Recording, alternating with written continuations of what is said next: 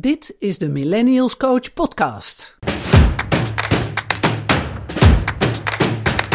Met verhalen van en over millennials. Over hun managers en over de bedrijven waar ze werken. Een podcast over jou. Iedere maandag laat ik je een nieuwe aflevering of coaching horen over persoonlijke en professionele ontwikkeling, over management en organisatievraagstukken en over bedrijfsgekkigheid. Wil jij ook leren hoe je jezelf beter kan ontwikkelen en in je kracht kan staan? Luister dan naar deze Millennials Coach podcast. Mijn naam is Marion Gijsler. Ik ben Millennials Coach.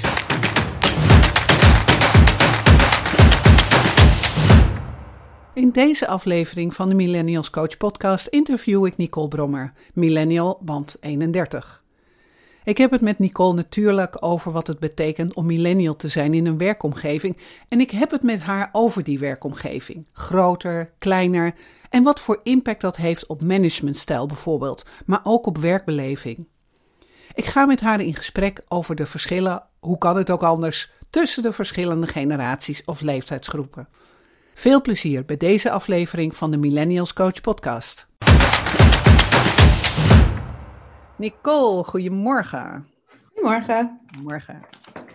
Nicole, vandaag ga ik met jou een interview, het interview houden van wat is nou echt een millennial? Ik vind dat heel leuk.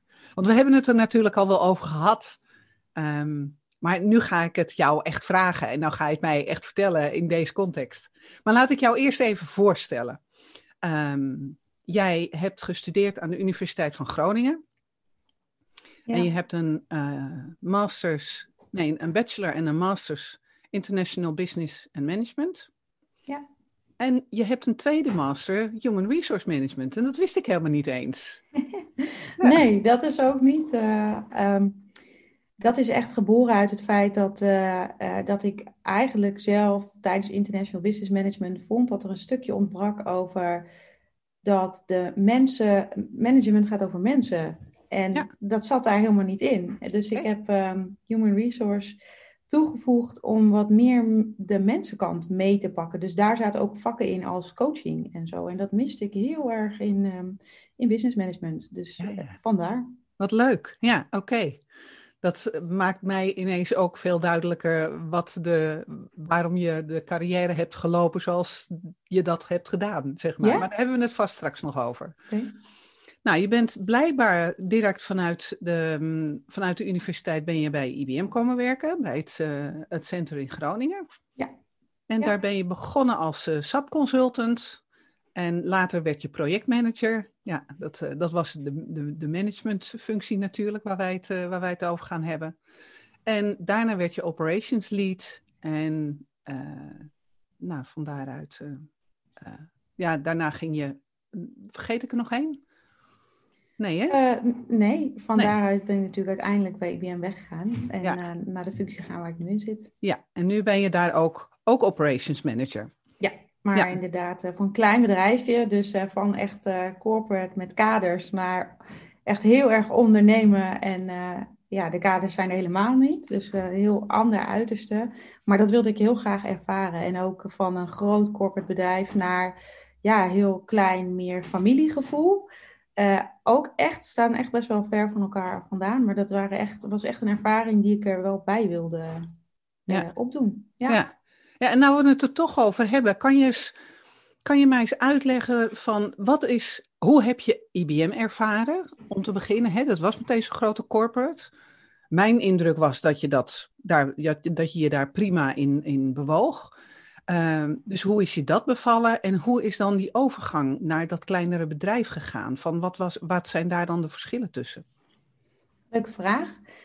Eh, IBM is, was eh, een ontzettend mooie ervaring voor mij. Ik, eh, je hebt gelijk, ik gedij daar heel goed in. En ik heb daar ook echt enorm van genoten. Je leert als professional, zeker als je start, echt het klappen van de zweep kennen. En op een hele professionele manier. En learning is eh, echt abundant, overdadig aanwezig. En als je daarvoor gaat en voor kiest, en dat heb ik zeker gedaan, dan kan je gewoon ontzettend veel groei doormaken, zowel persoonlijk als inhoudelijk.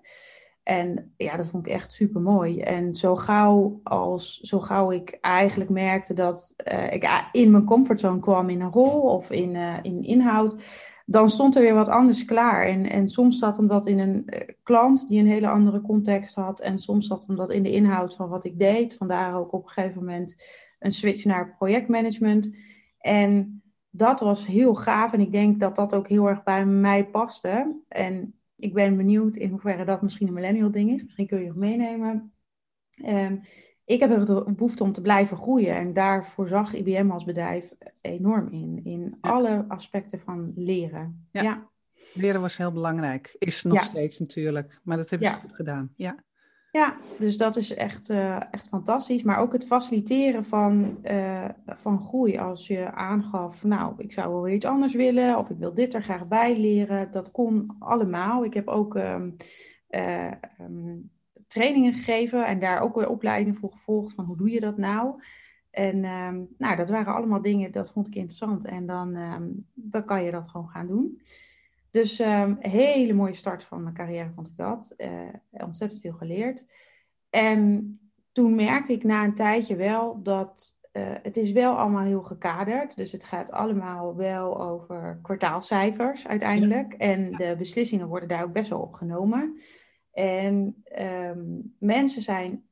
Ik vond dat IBM ontzettend veel uh, mooie dingen biedt voor mensen. Maar in zo'n groot bedrijf, hoe goed ze dat ook doen en ik denk dat Groningen dat heel goed deed. Je bent wel een nummertje in een hele grote wereld. Ja. En dat was wel iets waarvan ik op een gegeven moment dacht: ik wil ervaren hoe het is om niet een nummertje te zijn. Hoe het is om van al je collega's te weten wie hun huisdieren zijn. En uh, hoe hun vrouw heet en hun kinderen. En of ze goed geslapen hebben vannacht. Heel erg dat warme. Ja. En um, dat heeft wel uh, gemaakt dat ik graag iets anders wilde proberen. En ook een stukje ondernemerschap. Um, ik bewoog ontzettend makkelijk door IBM, maar het is heel gekaderd. En ik ben ook iemand met heel veel creatieve ideeën. En daar was um, nou, niet altijd veel ruimte voor. Want, uh, Wat voor, kan je daar een voorbeeld van geven? Wat voor creatief idee had je wat je niet kwijt kon? Oeh, wat een lastige vraag, zo uh, ad hoc. Um, nou, dat zit hem denk ik in in hoe ga je met mensen om. Uh, op dat gebied bijvoorbeeld, je merkt hem ook terug hè, in mijn carrière, ook people manager geweest, natuurlijk altijd binnen IBM, HR gestudeerd. Ik heb daar wel een duidelijke visie over wat mensen nodig hebben om zich gehoord en gezien te voelen. En um, nou, IBM hanteert een model waarin je als people manager eigenlijk een klant hebt met uh, strakke deadlines en veel werkdruk. En daarnaast ben je de manager van mensen. En dat creëert heel erg een, een tweestrijd. En ik denk toch dat zeker de generatie die er aankomt, ik vind het lastiger te zeggen over de generatie die er uh, boven mij zijn, ook omdat ik daar minder mee gewerkt heb, merk ik dat er toe doen, belangrijk zijn, hè, impact maken, dat je werk een verschil maakt. Um, dat zijn dingen die belangrijk zijn. En met een manager die naast een klantklus af en toe wat tijd en aandacht voor je besteedt, ja, ga je dat niet creëren in de hoofden van mensen. Dat is voor beide partijen, voor de manager niet zalig maken, denk ik, en ook niet voor, de, uh, voor degene die op die manier gemanaged wordt. Ja, dat zijn dingen, zo werkt het binnen IBM en dat, dat, dat daar kun je niet uh, uh, grote drastische gewijzigingen in doorvoeren. Nee. nee. En um, je vertelt, je gebruikt natuurlijk allemaal steekwoorden die ik herken als horende bij millennials, weet je wel. Mhm. en jij bent een van de eerste, eerdere millennials, uh, want je bent 31 en de groep die loopt de hits. Een uh, groep van 15 jaar en die loopt tot millennials die nu 35 zijn, dat zijn de eerste. Mm -hmm. Dus jij zit wat, wat vroeg in die, in, die, in die golf van 15 jaar. Hoe heb jij, hoe herken jij jouw millennial zijn, als ik zo generaliserend mag praten? Hoe herken je dat millennial, of hoe herkende jij dat millennial zijn in, in het kader van, van dat strakke van IBM wat je aangeeft? Ja, um, nou dat kan ik eigenlijk op twee manieren beantwoorden. Voor mezelf um, en voor eigenlijk, uh, ik heb ook een hele groep gemanaged dus van uh, millennials. En eigenlijk wil ik wel voor beide wat zeggen wat ik daarin zag. Yeah. Voor mezelf merkte ik dat um, um, dat impact maken en Nee, ja, ik vind het een lastige vraag. Ik denk dat ik heel veel kansen heb gekregen bij IBM en dat ik daar ook zelf een aandeel heb in gehad in de manier waarop ik me bewogen heb in de organisatie.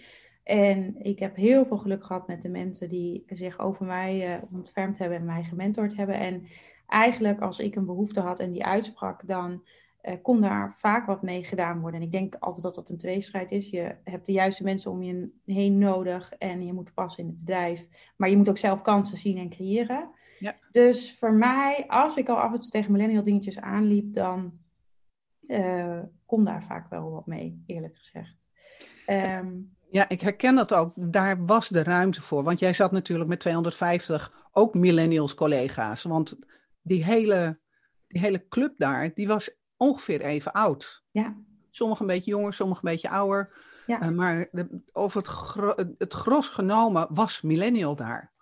Ja, en het management daar was zich daar heel erg van bewust. En had ook door dat daar toch andere uh, normen en waarden meespeelden. En die waren daar wel heel erg mee bezig om te kijken hoe ze daarop in moesten spelen. Dus ja. Ehm, nee, ja, voor mezelf heb ik dat minder gezien. Ik merkte wel, ik heb wel trends gezien om me heen. En dat zijn dingen als um, hele andere wens van work-life balance. Dus um, de uh, consultants waar je mee samenwerkte, die dan uit, in een andere generatie vielen.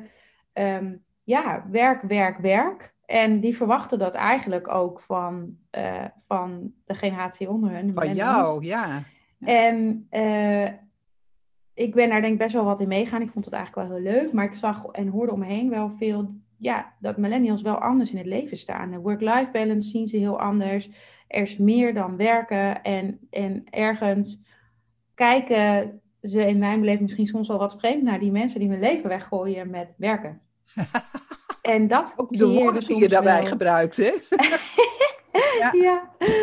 Nou ja, weet je, dat is best een statement, maar ik denk wel dat het mooi portretteert uh, uh, uh, hoe je daar ook naar kan kijken. En, en dat gaf best wel frictie um, ja. tussen mensen die dan heel erg inzetten en die, die anderen die maar op een gegeven moment wel zeiden, ook al was het dan zes uur, en dachten ze, ja, ik heb eigenlijk al best wel een lange dag gewerkt. En die dan zeiden van ja, uh, het is wel mooi geweest voor vandaag.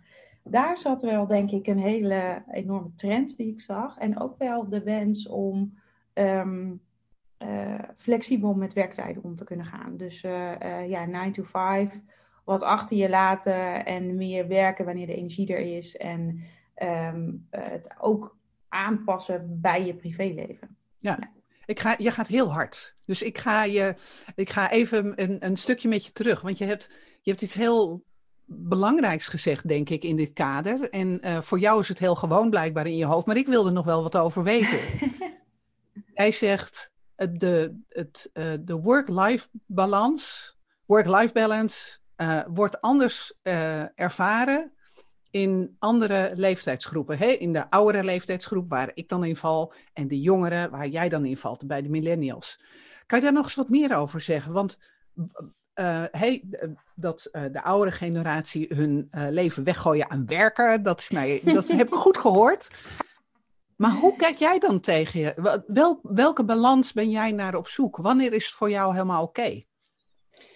Mooie vraag. Voor mij is het oké als ik het gevoel heb dat ik uh, leef en elke dag de ruimte heb om te leven en ook de dingen te doen die ik op die dag zelf wil doen. Voor mezelf, als ik genoeg ruimte heb voor mijn eigen groei en ontwikkeling. En um, om de mensen te zien waar ik van hou, om de hobby's te doen uh, die ik heb. En als ik het gevoel heb dat ik die dingen allemaal op een prettige, stressvrije manier kan combineren met mijn werk. En, en lukt dat in de werkomgeving waar je was? Nee, bij IBM ervaarde ik de, want daar refereer je naar denk ik met was. Ja. Uh, bij IBM ervaarde ik wel een hele hoge werkdruk. Die maakte dat, um, en daarmee bedoel ik niet alleen maar lange dagen, maar toch ook wel echt heel productief werken, veel aanstaan. En dat uh, vond ik qua energie wel zwaar. Dus dan bleef er, zelfs al was ik op tijd thuis, dan was ik gewoon moe. En dan bleef er weinig over voor mensen zien of, of mijn hobby's. En, um, ja. ja, ja. En ik heb op een gegeven moment de beslissing genomen in mijn laatste jaar ergens om naar 32 uur te gaan, dus één dag vrij. En ik hoopte dat dat een andere balans zou geven in de week, want dan werk je natuurlijk vier dagen en dan ben je ook drie dagen vrij. Ehm, en voor mij, en ik denk dat dat wel heel persoonlijk is hoor, voor mij was dat nog steeds niet de balans waar ik naar op zoek was. Want dat betekent alsnog dat ik die vier dagen van de week eigenlijk het gevoel had dat ik was opgestaan om te gaan werken, dan moe was en dan weer uh, naar bed ging. Ja. En daar voelde ik ook wel een tweestrijd in, want ik vond mijn werk heel leuk en ik wilde het ook heel graag goed doen. Maar ik had ook het gevoel dat om dat te doen, ik echt wel veel van mezelf moest geven. En de andere optie om balans te creëren was natuurlijk geweest minder geven van jezelf gedurende je werkdag. En daarmee een balans creëren. En ik merkte dat dat dus voor mij niet. Ik ben veel meer. Ik wilde gewoon vol vol gaan. Maar dat kan je minder lang pieken. En dat heeft ook toe geleid dat ik nu 30 uur werk. Dus ik werk vijf keer zes. En nu merk ik dus dat ik gewoon zes uur lang kan knallen. En dat is dan precies mooi, zodat ik nog net zoveel energie meeneem uh, naar de rest van mijn dag. Geweldig. Ja, wat fijn dat het dan nu wel gelukt is. Dat is hartstikke goed voor je. Ja. ja. En als je kijkt naar die IBM-omgeving, als je daar nu, hè, want je bent nu, uh, nu al een poosje weg, wat, voor, wat had er dan anders gemoeten? Als jij advies had kunnen geven aan de directie, wat, had je dan, wat zou je dan nu tegen ze zeggen? Wat hadden ze anders moeten doen om, om het wel prettig voor jou te regelen? Hè? Want ik kan niet jullie zeggen, want iedereen die beleeft dat natuurlijk anders, maar ik praat nou met jou. Dus wat, zou jij daar, wat had jij daar anders willen zien? Hmm, interessante vraag, omdat ik dus ook wel heel erg geloof in je omgeving opzetten voor succes. En dat soms ook de conclusie kan zijn dat jij niet in de omgeving past, in plaats van de omgeving zich aan jou aanpassen. En ik denk dat bij IBM ik op een gegeven moment wel het gevoel had dat ik degene was die ergens was waar die niet helemaal meer paste. Als ik dan zou zeggen hoe zou het aangepast kunnen zijn naar mij, zodat ik uh, um, daar de balans kon vinden, dan denk ik dat dat eigenlijk best wel lastig was geweest. Want dat was heel erg een cultuurding. Um, um, om ja, toch de hoge werkdruk. Dat was echt meer in de cultuur gebakken dan iets wat dat management even anders had kunnen doen. Deadlines en deals en planningen waren gewoon strak. En ehm, dat hoort bij die tak van sport. En ik denk dat je daar op andere vlakken gewoon ook van alles voor terugkrijgt. En dat je in die zin een stukje van je, nou ja, klinkt heel heftig, maar je ziel verkoopt. Dus dat is een keuze, vind ik. En um, ik denk niet zozeer dat het management daar heel erg iets anders had kunnen doen voor mij. Ik denk wel, als je het hebt in de context van millennials, hè, waar we over praten. Ik denk dat daar veel meer, uh, die zijn veel meer op zoek naar een persoonlijke uh, benadering. In de zin van, voor een ieder is iets anders belangrijk. Sommigen hechten heel erg waarde aan de werk-privé-balans. Sommigen uh, hechten heel veel waarde aan, aan learning. En uh, ik denk dat um, one size fits all niet zo past. Dat, dat ja, echt kaderloos kunnen zijn naar de individuele behoeftes, dat dat heel erg zou helpen. En dat is in zo'n grote corporate natuurlijk veel lastiger. Ja, dat is wel lastig. Ja, toen ik ook daar ging werken, want ik heb dan natuurlijk ook een jaar gewerkt, toen ben ik, toen ging ik echt verdiepen in uh, wat is dat dan voor groep en hoe gaat dat dan en wat kom ik tegen. En toen kwam ik, toch, ja, hoezo toeval, terecht bij een sessie van, van start-up naar scale-up vanuit een HRM-perspectief. Het was door een een of ander bureau was dat gedaan. En daar heb ik zo ontzettend veel geleerd, want daar, ze, daar waren ook, die generaties waren bij elkaar. Het was niet een hele grote groep, maar iedereen, wat er nodig was, was er om die discussie te kunnen voeren. En ik kan me nog zo goed herinneren dat de, de, de mensen van mijn leeftijd, de ouderen zeg maar, um, die zeiden van ja, wij halen de, de, de, de, de jongeren binnen en die moeten ons dan gaan vertellen hoe het moet.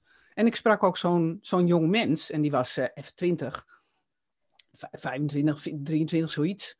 En die zei ook van ja, dat kunnen ze nou wel willen, maar ik heb geen idee. Ik heb gewoon nog niet genoeg kennis en nog niet genoeg ervaring om dat te kunnen vertellen. En dat werd, dat werd me ineens zo duidelijk wat voor spagaat daar tussen zat. Want je kan best wel mensen naar binnen halen, maar ze weten niet wat ze niet weten. Dus je kan niet zeggen van kom binnen zonder ervaring. Hier is een bedrijfsstructuur waar ze geen ervaring mee hebben. En dan moet jij gaan zeggen hoe wij het moeten gaan doen. Uh, error, error, dat past niet in je hoofd.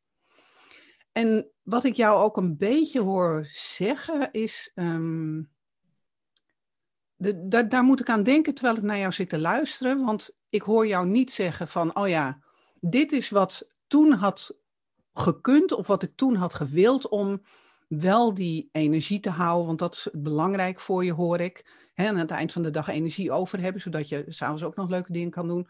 Of weet je wat er. Maar ik hoor jou ook zeggen van. Ik hoor je een beetje voegen, als ik dat zo mag uh, noemen ik hoor je voegen naar de structuur die er was. En jij zegt van ja, daar teken je voor. Dan denk ik, ja, dat is ook eigenlijk zo. Dit zijn de voorwaarden waarop wij jou aan willen nemen. En daar zet je een handtekening onder. Dus in zoverre is dat waar. Aan de andere kant was dat ook typisch een omgeving. Ehm, waar men ook op zoek was van hoe gaan we dit nou regelen hier. Dus um, ja, ik hoor ook toch nog steeds die spagaat. Ondanks dat jij daar een aantal jaar gezeten hebt, en ondanks dat je alweer weg bent. dus herken je wat ik zeg?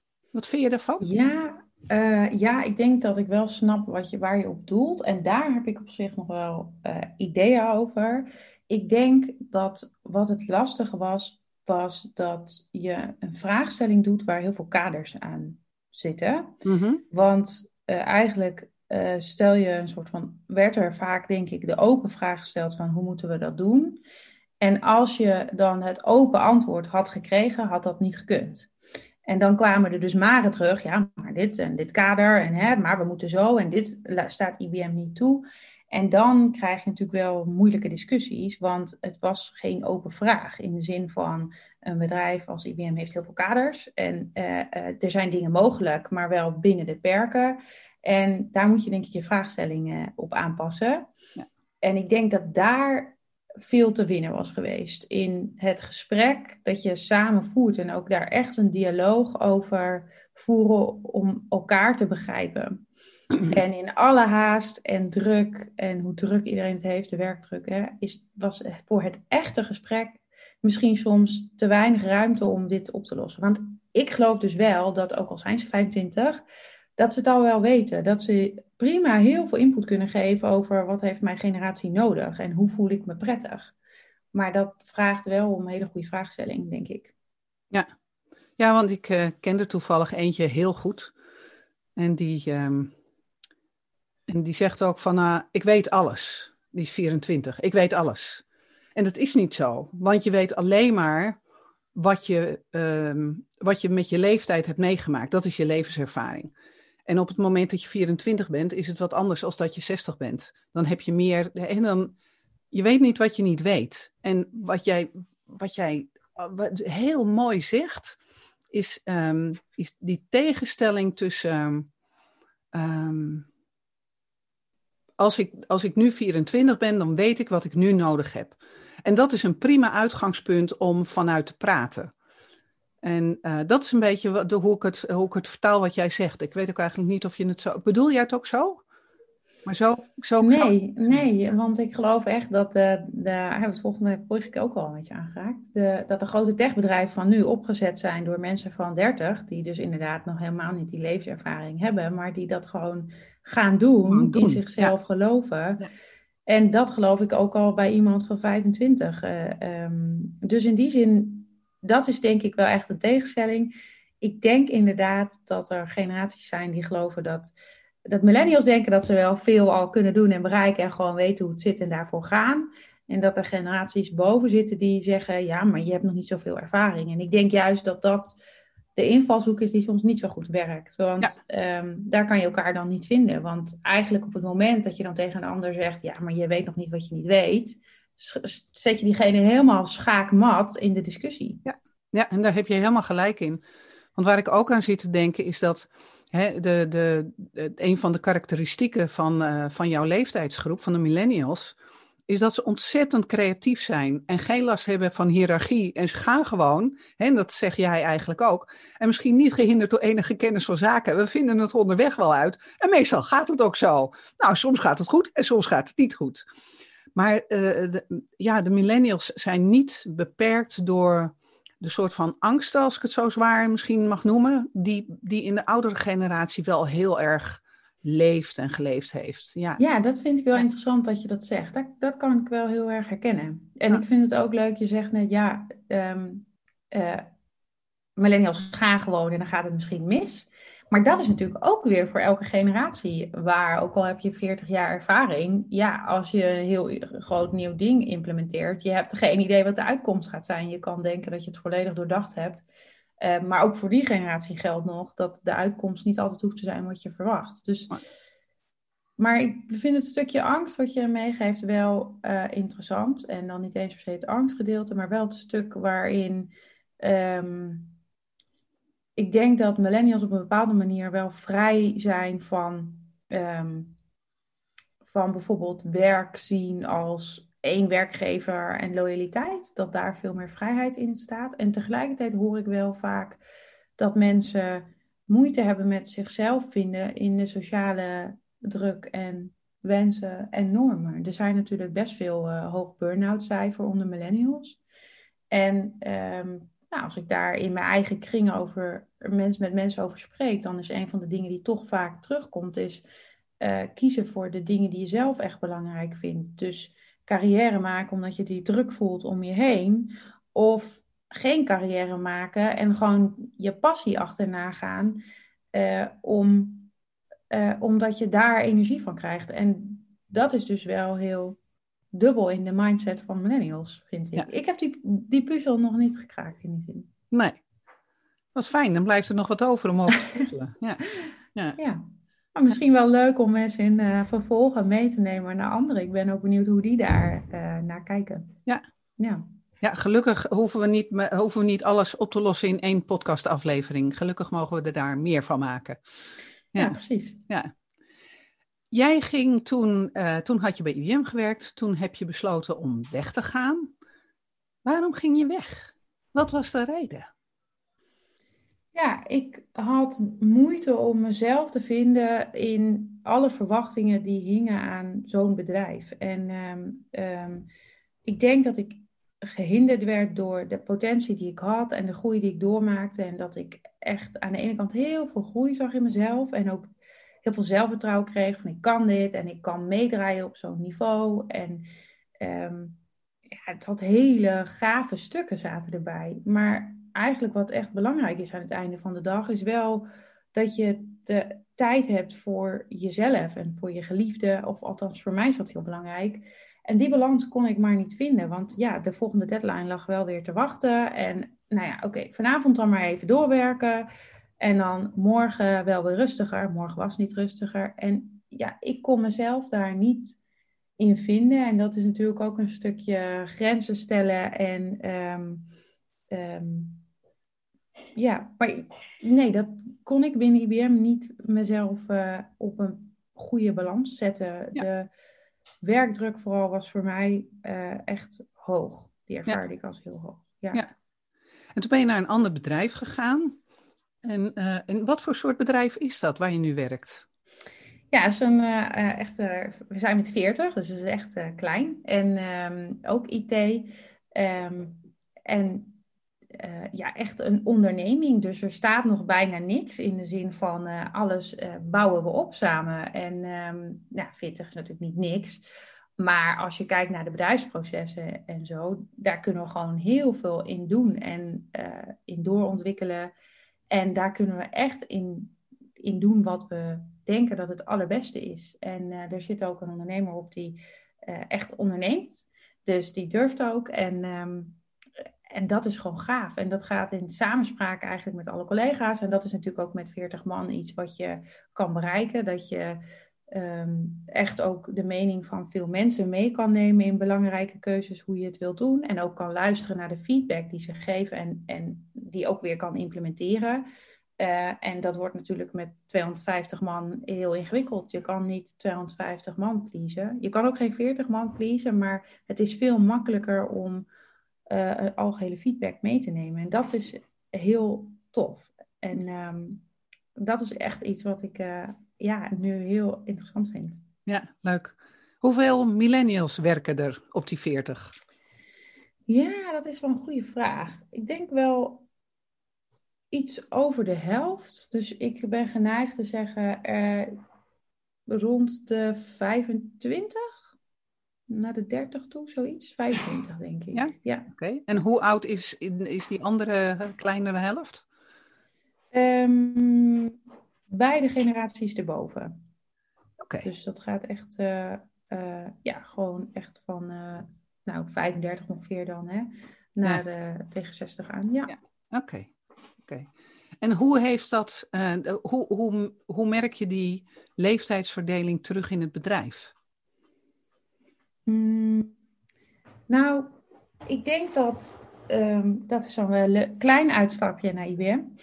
Um, binnen IBM waren heel veel millennials en uh, hier is de balans iets anders. En um, ik denk dat wat je merkt is dat wat binnen IBM was er heel veel energie en innovatie en creativiteit. En, maar soms, en dat was ook echt iets wat je veel hoorde, ontbrak het in Groningen aan senioriteit. Dus mensen waar je wat van kon leren, of waar je mee kon sparren, of waar je kon van zeggen, nou, ik weet het even niet meer, ik zit vast, help. Ja. En in dit bedrijf is die balans dus anders. En um, doordat er toch een grote groep millennials is, dat brengt gewoon veel energie en ideeën. En die, uh, die zijn niet bang om te zeggen wat er niet goed is, of wat ze graag anders zouden zien ik krijg echt een hele harde feedback om mijn oren soms. En dat vind ik mooi. Daar kan je mee verder. En uh, die kan je ook teruggeven. En dat is heel gaaf. En um, de balans is hier wel uh, voor mij iets fijner qua senioriteit. Dat je merkt dat mensen af en toe iemand hebben om even op te leunen. Of om even te checken van, nou, hoe zou jij dat doen? Of wat moet ik nu doen? maar genoeg millennials om verandering uh, gaande te houden, om niet de status quo te accepteren en om als bedrijf gewoon energie mee te geven, ook naar klanten en, um, en, en verandering um, te dragen. Ja. Hoe gaan die oudere generaties om met die jonge mensen, met de millennials? Uh, ik denk zelf dat dat ook te maken heeft met de bedrijfscultuur, maar ik ben benieuwd wat je in je zoektocht tegen gaat komen. Um, ik, dit, dit, bedrijf heeft een hele open bedrijfscultuur. Dus uh, er wordt gewoon onderling echt open gesproken over hoe dingen gaan. En dat creëert ook tussen die andere generaties een dialoog. En daar hadden we het eerder al een beetje over, dat dat bij IBM misschien soms wat, uh, um, hè, wat meer ruimte had mogen zijn voor de, de, de, dialoog. Ja. En als ik dat hier omschrijf, dan zeg ik, ja, die dialoog is er. Dus dan ontstaat er ook veel minder onbegrip en veel meer waardering voor de verschillen die je meebrengt. En eigenlijk de interessante, misschien wel intrigerende dingen die daaruit ontstaan. Um, en dat gaat dus gewoon heel respectvol en in dialoog. Ja, prachtig. Dat is eigenlijk zoals je het graag hebben zou willen. Tenminste, dat zou ik willen. Ja, ja dat is hier echt, uh, dat ben ik met je eens. Ja, leuk. Helemaal leuk. Um, ik kijk ook eventjes naar de tijd. Um, hoe, de, een vraag die ik wel nog heb, um, is hoe verhoud jij je inmiddels, want je bent operationeel manager geworden, dus je bent gewoon, hè, destijds uh, uh, heb ik jou leren kennen en heb ik jou zien groeien als manager, als startende manager met uh, nou, anderhalf jaar ervaring zeg ik altijd, want jullie hadden gewoon heel weinig ervaring. Mm-hmm. En ineens werd je, werd je verantwoordelijk gemaakt voor hè, dingen als krijg jij promotie, krijg je er geld bij, mag je blijven. En dat zijn nogal dingen van als je zo jong bent, dat je die verantwoordelijkheid ineens op je schouders krijgt. Nou, je hebt dat gedaan, je hebt dat geleerd, je hebt daar je eigen weg in gevonden. En ik vond dat je dat heel mooi deed. Ik had er echt erg veel bewondering voor. Dankjewel. Um, en nu ben je manager gebleven. Hè? Want je hebt weer een managementpositie heb je gekregen. Dus hoe mhm. verhoud jij je nu tot de mensen die aan jou rapporteren? Misschien wel in vergelijking met toen. Ja, dat is um, een leuke vraag. Ik heb inderdaad veel bijgeleerd. En um, ik denk dat het grootste verschil voor mij is dat de kracht zit hem in dialoog voor mij. Dat is echt iets wat ik uh, geleerd heb. En um, dat je als je eerlijk tot een eerlijk gesprek kan komen over dingen, uh, daar waar geen oordeel in zit, maar echt met de vraag: waarom gebeurt dit? Of waarom zie ik dit, dat uh, leeftijd en ervaring er dan vaak helemaal niet toe doen. Ik heb wel een sterke visie ontwikkeld over uh, ja, mijn kaders en mijn normen en waarden. En ik heb ook geleerd dat als je de manager bent, dat, dan, uh, dat je dan ergens wel degene bent die de kaders zet. Um, maar ik denk uh, dat je daar altijd aan moet blijven sleutelen en de open dialoog voeren. En dan ga je weer kijken naar je normen, waarden, je kaders. En dan ga je weer uh, um, mee verder. En ik ben heel benieuwd naar de generatie ook die na de millennials komt. Die gaan nog weer heel wat anders uh, meebrengen. Tenminste, ik heb me daar wel een en ander in verdiept. Misschien komt het in je podcast nog aan bod. Maar daar ben ik heel nieuwsgierig naar, want dat gaat weer de kaders um, verstellen. Ja. ja. Ja, leuk. En je bent, uh, dit is waar je, he, waar je nu staat en hoe je nu gaat. Waar, wat, ik weet niet welke horizon je in gedachten neemt, maar wat zijn de plannen of de doelen waar jij naar kijkt van nu naar de toekomst? Um, die heb ik niet. Ik uh, leef bij de, nou ja, de dag is wel heel kort, maar ik vind het dus vooral heel belangrijk dat mijn dagen leuk zijn.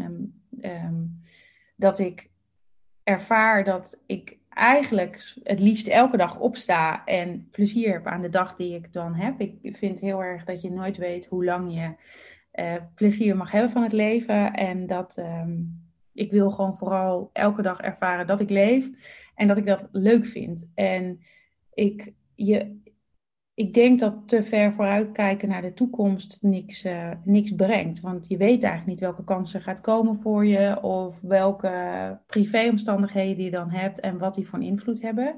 Ik geloof veel meer dat ik iemand ben die altijd wil blijven leren. En daar zit wel lijn in, want ik heb gewoon dingen die ik interessant vind. En doordat ik die lijn heel erg aanhoud van wat ik interessant vind, gaat dat echt wel in een richting. En specialiseer je je dus eigenlijk automatisch wel. En dat is eigenlijk hoe ik er naar kijk. En met de ervaring die ik dan opdoe, is er, uh, ja, als, als ik weer iets zou willen, dan denk ik dat ik daar gewoon organisch kom. Ja. En dat je dan kijkt naar wie je dan bent, wat dan je omstandigheden zijn, wat je dan geleerd hebt, of wat je misschien nog bij moet leren op dat moment om die stap te maken. Maar verder, uh, ja, verder dan dat gaat het eigenlijk helemaal niet. Nee. Uh... Het is helemaal prima, weet je. Het, ja. Dat is helemaal goed. Als jij advies zou mogen geven aan uh, mensen uit jouw leeftijdslagen, aan andere millennials, wat zou je dan voor advies geven? Uh, eigenlijk weer dat dialoog. Ik vind het soms jammer om te zien dat onbegrip ontstaat of dat mensen keuzes maken omdat ze niet hebben gedurfd uh, het gesprek aan te gaan. En um, ik denk dat ook al kunnen sommige generaties stugger lijken of sommige managers stug lijken. Als je vanuit je kracht uh, dialoog aangaat en gaat staan voor de dingen die je belangrijk vindt, dat, daar dat daar dan altijd een positief antwoord voor jezelf in zit. Het zij ik pas hier niet meer of het zij hoe kunnen we een middenweg vinden. Um, maar een dialoog is het krachtigste wat je hebt. En ik zie vaak dat die niet ten volste benut wordt. Heel mooi. Ja, ik ben, ik ben voor, ik ben ook van de dialoog. En ik ga het later in deze serie ga ik het ook hebben over vragen stellen en de kunst van de kracht van vragen stellen. Dus ja, de dialoog wordt gevoed door uh, vragen stellen. Dus we zijn het eens wat dat gaat. En behalve die dialoog, want ik ga dezelfde vraag stellen van wat zou je aan uh, hè, de, de, de, oudere, de, uh, de oudere generatie of generaties willen zeggen. Dialoog, die hebben we inmiddels begrepen. Maar zijn er buiten dat nog andere dingen? Ja, ik zou echt wel zeggen, um, in plaats van onbegrip te hebben voor de generatie die erna komt en hoe die zich misschien opstellen, uh, stel je open. Want uh, misschien komen hele rare dingen mee en kan, je daar, kan je daar wat aan meegeven aan de generatie die eraan komt.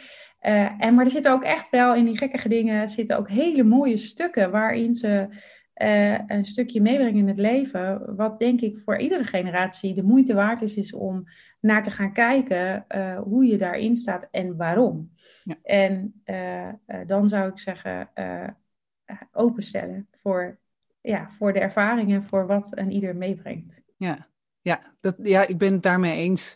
En ik zie ook wat een struggle het zo nu en dan is dan ik kan me heel goed herinneren dat ik, ik was toen nog, nou was ik even de F30 of zo. En toen was ik ook manager.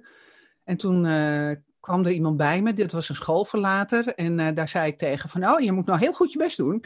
En toen zei die ze, ik weet nog goed wie het was. En hij werkte nog steeds. En hij zat zo te schudden, zijn hoofd te schudden. En ik denk, wat, heeft, wat doet hij nou? Ik zeg, hoezo dan? Nou, zegt hij, volgens mij moet jij heel hard je best doen voor mij. Zodat ik blijf. En toen, dat was voor mij zo'n moment dat ik dacht van de wereld zit anders in elkaar dan ik denk. Dat was zo'n, zo, je hebt van die moments of truth. Dat was er voor mij eentje. En wat jij zegt is hetzelfde. En, en ik weet ook wat een struggle het is voor de oudere generatie om dan echt helemaal open-minded te, te luisteren en te kijken en te ervaren wat die jongen binnenbrengen. Maar ik ben het met je eens dat het wel is wat er, wat er nodig is. Ja. Maar als we dan dialoog kunnen houden, dan lost het zich vanzelf op, vast. Ja, dat geloof ik ook. Ja. ja. En ik vind dat wel heel interessant wat je zegt, want um, je raakt natuurlijk heel mooi aan van uh, de wereld. Je, je neemt een mooi voorbeeld van iemand die jou een eye-opener geeft over, over um, wie doet nou zijn best. En um, ik denk dat wat ik zelf heel erg geloof, is dat uh, jezelf in je kracht zetten ook heel belangrijk is. En um, soms past dat en soms past dat niet. En we moeten denk ik, en dat is misschien wel heel erg millennial, daar ben ik heel benieuwd hoe jij ernaar kijkt. Maar daarin geloof ik dus wel echt dat je jezelf in je kracht moet zetten. En dat betekent uh, een omgeving creëren waarin je past, waarin, waarin je dus tot bloei komt en waarin mensen in je geloven. En dat we daar heel erg zelfverantwoordelijk voor zijn. Maar misschien is dat zelfverantwoordelijk voor zijn ook wel heel erg millennial gedachte. Hoe zie je dat? Ja, ik denk dat um, hoe ik dat zie is, uh, ik ben blij met die, met die visie, want ik, ik denk daar net zo over. Ik kan niet verantwoordelijk zijn voor jouw geluk, dus jij moet dat zelf doen. Uh, maar het is wel zo dat als wij een, uh, laten we zeggen, een werkrelatie hebben, dan heb ik wel zeker daar wel een aandeel in. Dus hè, dan komen we toch weer op die dialoog. Ja. Aan de andere kant denk ik ook van, um, hè, dus ook weer dat, dat, dat, dat, dat stuk ervaring. En, en dat, is ook zo, dat is ook zo ontzettend het stuk waar ik heel graag wil werken. Hoe kan ik jou helpen om om dat juist te veroorzaken? Hoe kan ik jou helpen om in je kracht te komen en wat heb jij nodig om daar te komen? Wat heb je wel? Wat kan je beter inzetten? Wat heb je niet? Wat kan ik misschien, weet je, uh, 30 jaar, 35 jaar werkervaring en nog meer levenservaring. Wat kan ik daaruit gebruiken om jou sneller op gang te hebben, te helpen, dan dat ik ooit heb kunnen doen, omdat ik niet zo iemand gehad heb? En die verantwoordelijkheid, ik denk dat dat, um, dat, dat heel erg onderbelicht wordt, denk ik, in, jou, in jouw leeftijdsgroep. Want um, ja. mijn, de mensen uit de mijnen, die hebben waar, daar wel de, de, de, mond van vol en die vinden dat die millennials dat niet doen. En de grap is dat jij maakt er juist een punt van dat jij wel die verantwoordelijkheid hebt. Nou zijn er misschien anderen die daar anders over denken, maar misschien is het wel iets wat niet erg, echt heel bewust is in jouw leeftijdslaag dat zou ik ook wel, daar ga ik het ook nog eens met anderen over hebben, hoe zij daarover denken. Maar... En dan gericht op de verantwoordelijkheid die je zelf hebt in, um, in, ja. Ja, en ervoor te zorgen dat je je eigen, ja, je eigen happy bubbel moet maken en je eigen happy omgeving. Want ik kan het niet voor je doen. Maar als jij mij vertelt wat je nodig hebt, dan kan ik jou wel vertellen of het wel of niet mogelijk is. Of dat we samen op zoek kunnen gaan naar hoe dan. Ja, en dat is wel een interessante, ook met management bijvoorbeeld. Um, want ik zie tegelijkertijd ook dat sommige wat oudere generaties uh, af en toe een managementstijl hanteren. Maar ik ben nog benieuwd of dat een generatieding is of gewoon een managementstijl ding. Maar uh, op het moment dat mensen natuurlijk heel erg gemicromanaged wordt, haal je natuurlijk eigenlijk heel erg eigen verantwoordelijkheid eruit. En het vraagt dus ook wel een specifieke stijl om die verantwoordelijkheid erin te brengen. En uh, dat is dan wel interessant. Of dat dan een stijl is die bij millennials past. Of misschien überhaupt wel gewoon goed past uh, in managementfuncties hedendaags.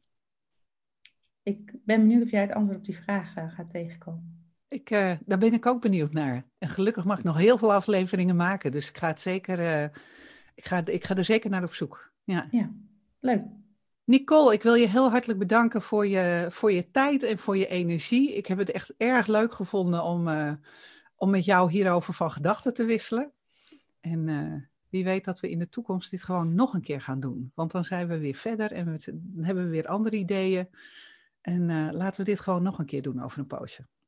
Ja, hartstikke leuk, dankjewel. En ik weet dat je met een paar leuke vraagstukken rondloopt op, over millennials. En nou, ik zou me vereerd voelen om nog eens stil te nemen aan eentje. Helemaal goed, gaan we doen. Dankjewel.